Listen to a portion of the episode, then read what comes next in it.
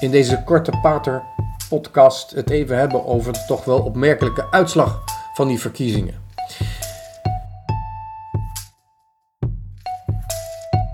In deze podcast gaat Pater Elias op zoek naar wat echt is. Hij gaat de uitdaging aan om een zo helder mogelijk beeld te vormen van hoe de wereld in elkaar steekt. Dit is de Pater Podcast. In verband met de verkiezingen had ik eigenlijk al ietsje van tevoren, aan het begin van deze week, de Pater Podcast op willen nemen om het in het algemeen over de verkiezingen te hebben. Maar ik vond dat ik toch even moest wachten tot na de verkiezingen. Wat betekent dat ik een korte Pater Podcast zou kunnen opnemen op donderdagochtend, dat wil zeggen vanochtend, om ook de uitslagen van de verkiezingen nog even mee te nemen. Waar had ik het over willen hebben? Daar ga ik het toch nog even over hebben. En dan tenslotte in deze korte Pater podcast het even hebben over de toch wel opmerkelijke uitslag van die verkiezingen. In heel algemene zin zou je eens moeten kijken hoe het is gekomen dat in ons politieke klimaat eigenlijk zowel links als rechts als het midden zijn verdwenen. Waardoor het landschap er heel chaotisch uitziet. De gewone ordening lijkt er niet meer te zijn. Ik zeg niet dat het beter is, ik zeg niet dat het slechter is, ik zeg, ik constateer alleen dat zowel links, rechts als het midden zijn verdwenen. En dat komt eigenlijk, wanneer je naderbij kijkt waar het om gaat, dat al die drie hun oorspronkelijke belangengroepen zijn kwijtgeraakt of misschien die belangengroepen wel hebben verraden. Wat zijn namelijk de belangengroepen in, in ruime zin van die partijen? Links, dat ging eigenlijk vooral over de arbeiders, de werkers. Niet dat zij de enige waren die werken, maar over het algemeen in de industrie, het personeel dat iets produceert, de gemiddeld minder verdienende mensen vooral het handwerk, machines. Hoe dan ook, hoe je ook arbeid definieert. De arbeidersklasse, die stemde vooral links. En het ging dan over de herverdeling of de eerlijkere verdeling, of gewoon de eerlijke verdeling van de rijkdommen die werden geproduceerd. Links heeft eigenlijk de arbeiders laten liggen. Misschien zijn er geen arbeiders meer in klassieke zin. Misschien was er al zo'n rijkdom bereikt dat het niet meer nodig was om voor die mensen op te komen. Je ziet eigenlijk hetzelfde met de vakbonden, die hebben ook niet zo'n invloed meer, althans die indruk krijg je. Maar in de tachtige jaren heeft er een hele merkwaardige verschuiving plaatsgevonden bij links, namelijk van, van, de, van het opkomen voor je rechten wat betreft de economie en de betaling en de beloning, naar het opkomen van rechten wat betreft je seksualiteit. De arbeidersrevolutie is vervangen door de seksuele revolutie. Of eigenlijk de arbeidersrevolutie die, was, die al was opgegeven, voor, op een goede manier overigens, voor het veranderen van de arbeidsomstandigheden en de beloning van arbeid. Het ging niet meer om een linkse revolutie, maar om gewoon een linkse democratische eh, partijstructuur, zoals ook de vakbonden hebben ingesteld. De arbeid met het lichaam werd vervangen door de neigingen van het lichaam zelf, oftewel de seksuele revolutie. En dat is in de tachtige jaren gebeurd. En links is dat eigenlijk nooit te boven gekomen. Het gaat helemaal nu over de, het homohuwelijk of de rechten van de LGBTQ. Maar de oorspronkelijke arbeiders zijn eigenlijk in grote delen vergeten, in ieder geval in de ideologie. Als je vraagt waar gaat het nou over, dan gaat het vooral over de seksuele revolutie. Wat hele vervelende gevolgen kan hebben, want als je niet in opstand komt tegen een andere klasse, of tegen overheersing of tegen oneerlijkheid, maar tegenover je eigen lichaam, dan ben je wel bezig met iets dat uiteindelijk zelfdestructief zal zijn. In opstand komen tegen je eigen lichaam en je eigen lichaam gaan verminken, dat heeft catastrofale gevolgen. Rechts heeft eigenlijk ook zijn achterban verraden. Het was de partij, de VVD, en überhaupt rechtsdenkende mensen, die legden meer het accent op het ondernemerschap, het vrije ondernemerschap. Als jij ideeën had, als je talenten had, als jij grote middelen had, dan moest je daarmee kunnen produceren wat je wilde. Natuurlijk met het oog op het eigen belang.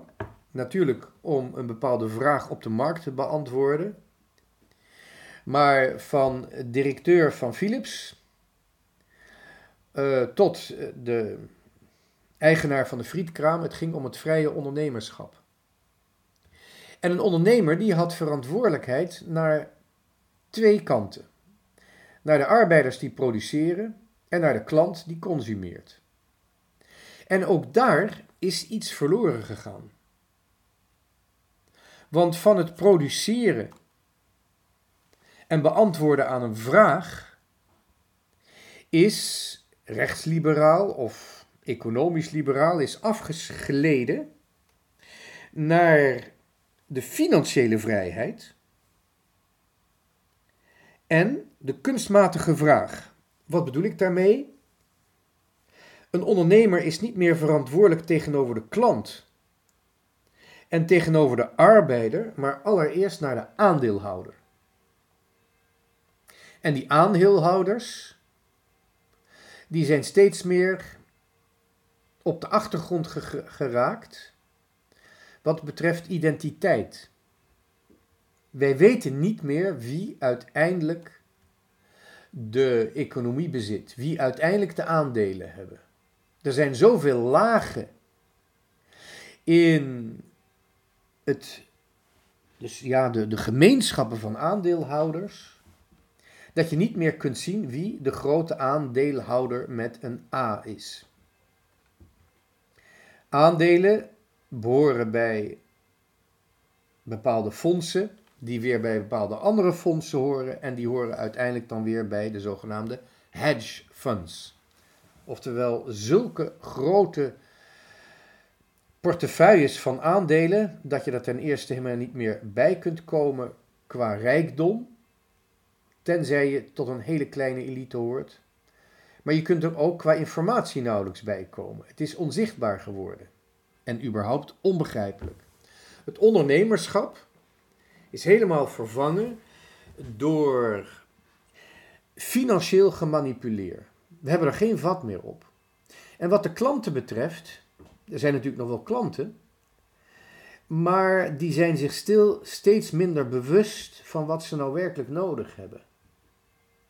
De vraag naar consumptie is ook volstrekt volstrekt kunstmatig geworden. U weet niet meer wat u wil. Als dat wel zou zijn, dan zouden niet miljarden, miljarden aan commerciële reclame worden uitgegeven. Dan zou er wel zoiets zijn als klanteninformatie en consumentenbonden die producten testen, maar er zou geen, althans niet op deze schaal, commerciële reclame zijn. We zijn er zo aan gewend geraakt dat u misschien zegt: waar doet Pater Elias moeilijk over? Maar het is de leidende ideologie of zelfs de religie van ons land geworden en van onze westerse cultuur. Het evangelie van de commerciële reclame. En zo heeft ook rechts, liberaal-economisch, blazerdragend rechts heeft eigenlijk zijn achterban verraden. natuurlijk, er zijn nog vrije ondernemers.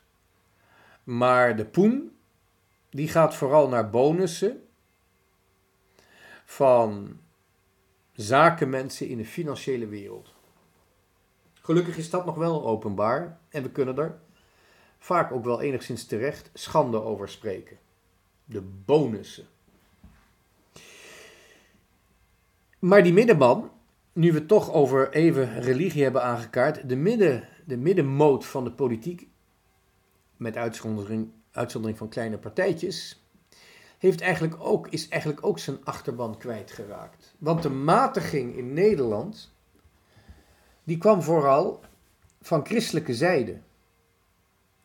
En de christelijke partijen, waarbij je vroeger het onderscheid kon maken tussen gematigd protestants, wat strenger protestants en natuurlijk de katholieken, dat onderscheid is verdwenen. En zonder onderscheid tussen verschillende geloven verdwijnt ook de transcendentie, oftewel wat religie is, waar religie over gaat. Deze politieke eukemene heeft ertoe geleid dat godsdienst zelf praktisch helemaal uit de grote middenmoot is verdwenen. En dan gaat het natuurlijk over het CDA. De steeds kleiner wordende partij. Misschien is het CDA nog wel gewoon hetzelfde als 50 plus of 60 plus. En de onze lieve Heer, die weet het wel, misschien gewoon 80 plus aan het worden.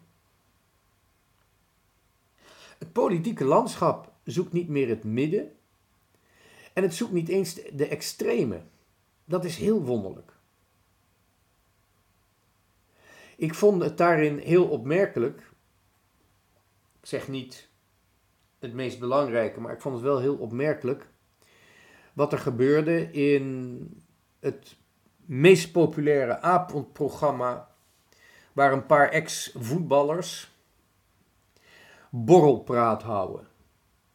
Het hebben over de toestand in Nederland zoals normale, normale kerels na hun werkdag het in de kroeg over de toestand zouden moeten hebben. Wel grappig, heel af en toe diepgaand, maar zonder al te veel gestoord te worden door kennis van zaken. En in dat programma was onze premier aanwezig. Die weer alle eindjes aan elkaar praatte, zonder werkelijk een diepgaande visie te hebben. Hij heeft het zelf ooit gezegd, dat visie voor hem niet zo belangrijk is. Of ik nou sympathie voel of niet voor Rutte, ik denk dat het een mengsel is. Maar één vraag kwam naar boven die wel eens in de rioolpers wordt behandeld. Namelijk wat het liefdesleven van de premier is. Nou interesseert mij dat absoluut de roze. En ik vind het zelfs erg vulgair om dat ter sprake te brengen in een publiek televisieprogramma waar je vlak voor de verkiezingen staat. Maar het gebeurde toch. Als Rutte in de kroeg had gezeten met deze ex-voetballers, was er niks aan de hand geweest. Ik heb zelfs ook wel eens moeten uitweiden binnen de sportvereniging wat celibatair leven inhoudt.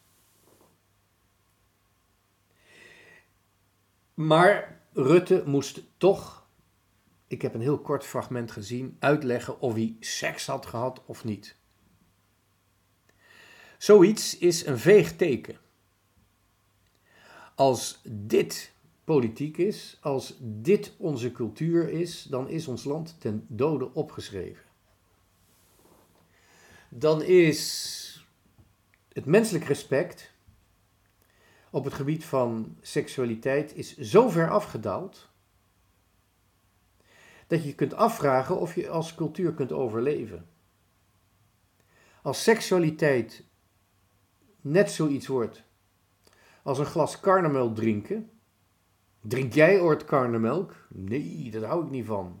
Drink jij karnemelk? Ja, liters per dag. Als seksualiteit zo'n banaal onderwerp wordt, dan betekent het ook dat we onszelf minachten op een collectieve manier. Omdat wij allemaal ongeveer vanaf de puberteit weten waar de kindertjes vandaan komen. Waar de kindertjes ontstaan en waar wij dus zelf ook ontstaan zijn. Een dusdanig gebrek aan, noem het, gemaat, noem het, ja, hoe moet je het noemen? Bescheidenheid, eergevoel, respect. Een dusdanig gebrek aan respect laat zien dat we onszelf, ons eigen bestaan, onszelf, ons eigen ontstaan minachten. En daarin kun je al voorzien dat de volledige seksuele grenzeloosheid, de volledige seksuele richtingsloosheid, vroeg of laat, vanwege de minachting die het met zich meebrengt, ook gaat omslaan in geweld. In richtingsloos geweld. En het is een kwestie van tijd. Het is een kwestie van tijd dat misbruik zo uitgebreid wordt dat we daar helemaal niets meer aan kunnen doen.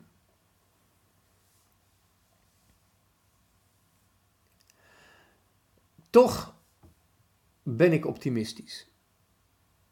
Want ik had het ook niet verwacht dat een partij zonder al te veel ideologie ineens de grootste geworden is.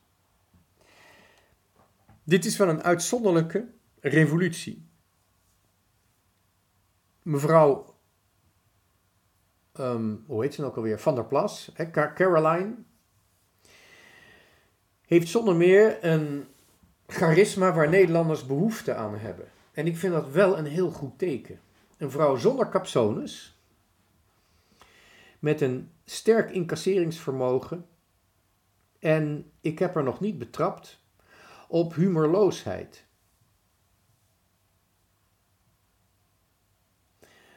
Ze heeft een ehm, open gezicht en een open karakter.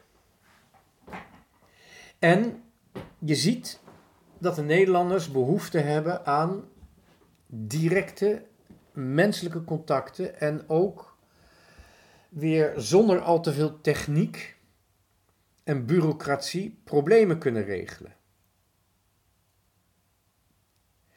Het grote gevaar is natuurlijk dat zo'n partij zo snel groeit dat er niet genoeg mensen die deskundig zijn kunnen worden verzameld. En dat het te moeilijk wordt om een bepaalde richting voor zo'n partij te bepalen. Wat dat betreft moeten de Nederlanders aan de slag. Met nadenken over al die dingen die vergeten zijn. En dat wordt een heel zwaar karwei, want ik weet niet of we dat nog kunnen. Nadenken over wat werken is. Nadenken over wat ondernemen is. En natuurlijk ook nadenken over het feit dat God bestaat. Of God bestaat en dat hij bestaat en hoe je je leven daarmee indeelt.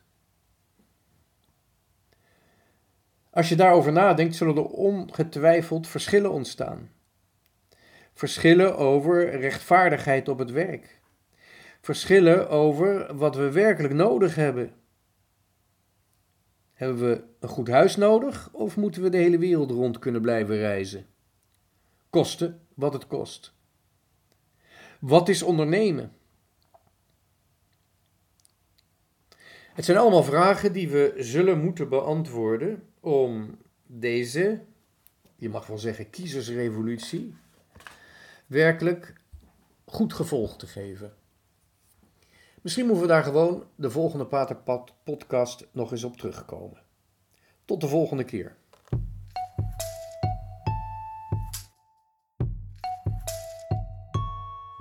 Dit was de Radio Maria Pater Podcast met Pater Elias. Deze podcast is online terug te luisteren via de website van Radio Maria en andere podcastplatforms.